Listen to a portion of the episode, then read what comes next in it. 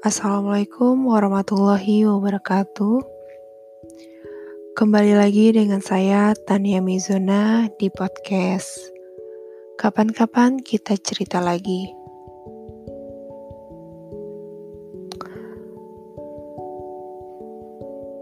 Malam itu tepat tanggal 8 Maret 2020 di jam 23 33. Saya mereplay story dari sahabat saya.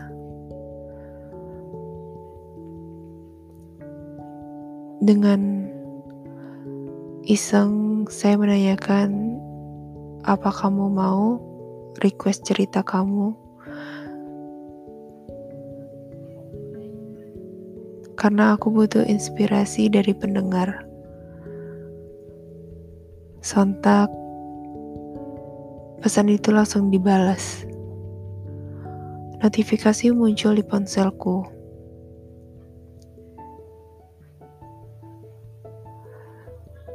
Dan di situ aku butuh untuk saat ini jawabnya. Aku lagi deket sama seseorang, tapi dia beda denganku. Dia Muslim, sedangkan aku cinta tapi beda agama.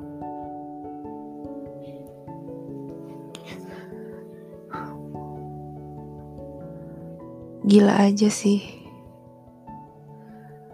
Kenapa dia juga ikutan terjebak dalam hal yang sama denganku yang dulu?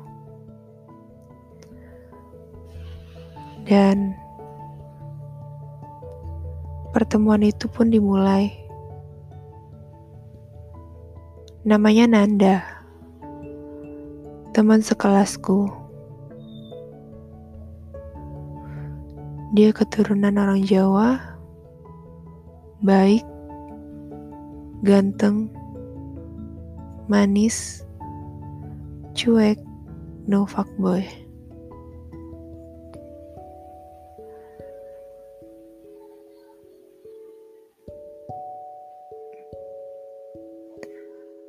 tahu. Dan gak habis pikir kenapa pertemuan ini dimulai di kota yang penuh dengan keistimewaannya. Di Jogja,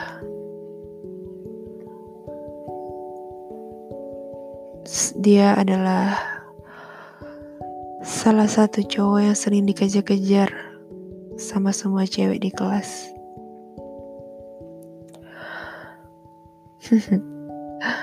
Awalnya aku tahu dia suka sama aku itu pas UAS Desember kemarin. Dan itu suasananya juga udah beda. Saking penasarannya, aku menanyakan hal itu kepadanya. Sontak, dia langsung ke inti pembicaraan kalau dia itu suka sama aku udah dari awal masuk perkuliahan. Dan setelah aku ingat-ingat, hampir lima bulan lebih, ada seseorang yang diam-diam mengamati segala kegiatanku di kelas. Kalau aku mau maju ke depan, dia suka senyum-senyum sendiri. Kalau aku duduk sebelah dia, dia langsung nervous.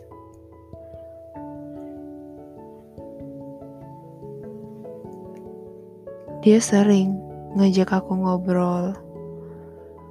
Tapi di posisi itu aku nggak tahu kalau dia suka sama aku. Dan di situ aku cuek setengah mampus karena posisinya yang aku gak tahu kalau dia suka sama aku saat itu. At least dia udah ngungkapin semuanya.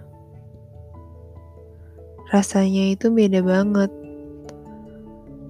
Aku mikir, ya kali seorang dia bisa suka sama aku. Karena pertanyaan yang semakin menumpuk di kepalaku, aku tenggelam dalam perasaan yang penasaran. Di situ aku perlu bukti. Akhirnya, tepat tanggal 19 Desember, dia ngajak aku ke pantai karena ada yang mau diomongin. Tapi aku jawab gak bisa. Nyesel juga sih karena bohong. Alasannya tanggal 20 mau pulang ke Jambi.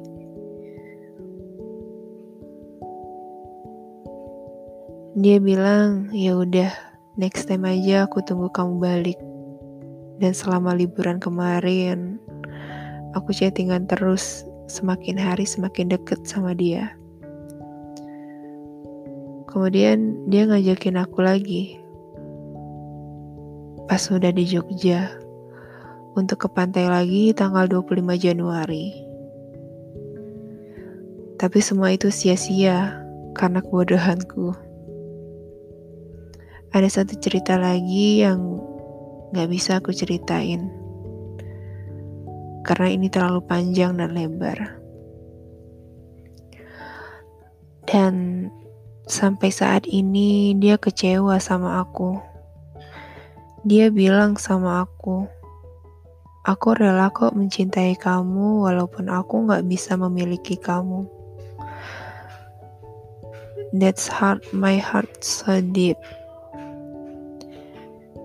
Jadi awal Februari sampai akhir Februari kami berdua nggak deket lagi. Tapi kabar angin dari temen kalau dia masih suka sama aku. Terkadang aku ingin memulai chat dia duluan, walaupun pada akhirnya aku dikacangin. Sedih sih. Dia pernah bilang sama aku,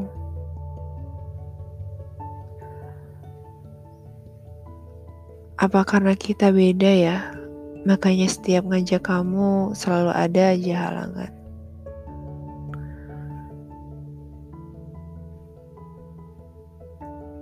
Kenapa sih aku harus ngelak waktu itu?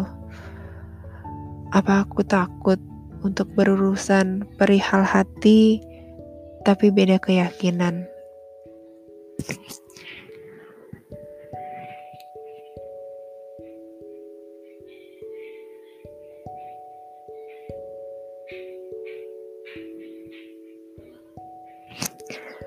Dan aku menyadari beberapa minggu terakhir ini kok aku bodoh banget sih. Gak ngasih ruang buat dia. Setidaknya jalani aja dulu. Yang lainnya urusan belakangan. Tapi ya itu tadi, aku udah salah langkah. Dia udah beda sama aku.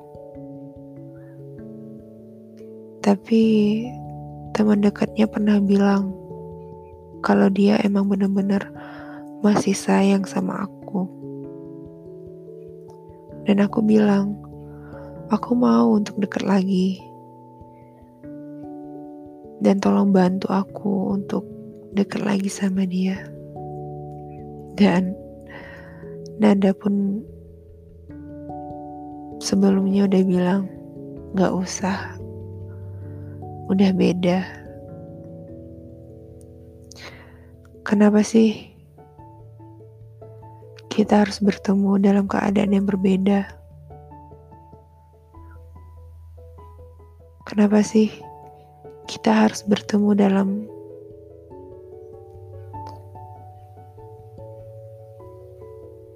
kelas dalam yang mungkin bisa kita lakuin sama-sama, tapi tujuan yang berbeda.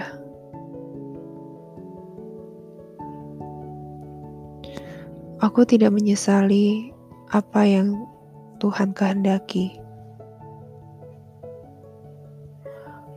Mungkin ada pesan atau kode dari Tuhan dipertemukannya aku dengan dia. Dan benar, di kota yang penuh dengan keistimewaannya, aku dipertemukan oleh dia.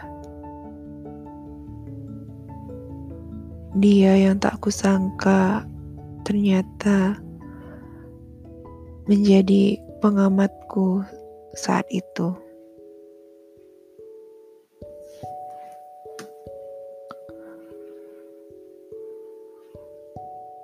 Ingin rasanya masalah ini cepat-cepat selesai, agar tidak ada lagi pertanyaan yang membuatku penasaran akannya. Nanda, terima kasih selama ini sudah mengamatiku, mencintaiku dengan tulus, dan tanpa ku sadari kalau kita berbeda.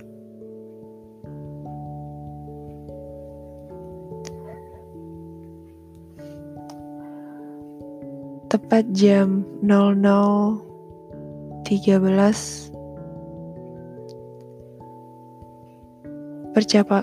percakapan kami pun selesai.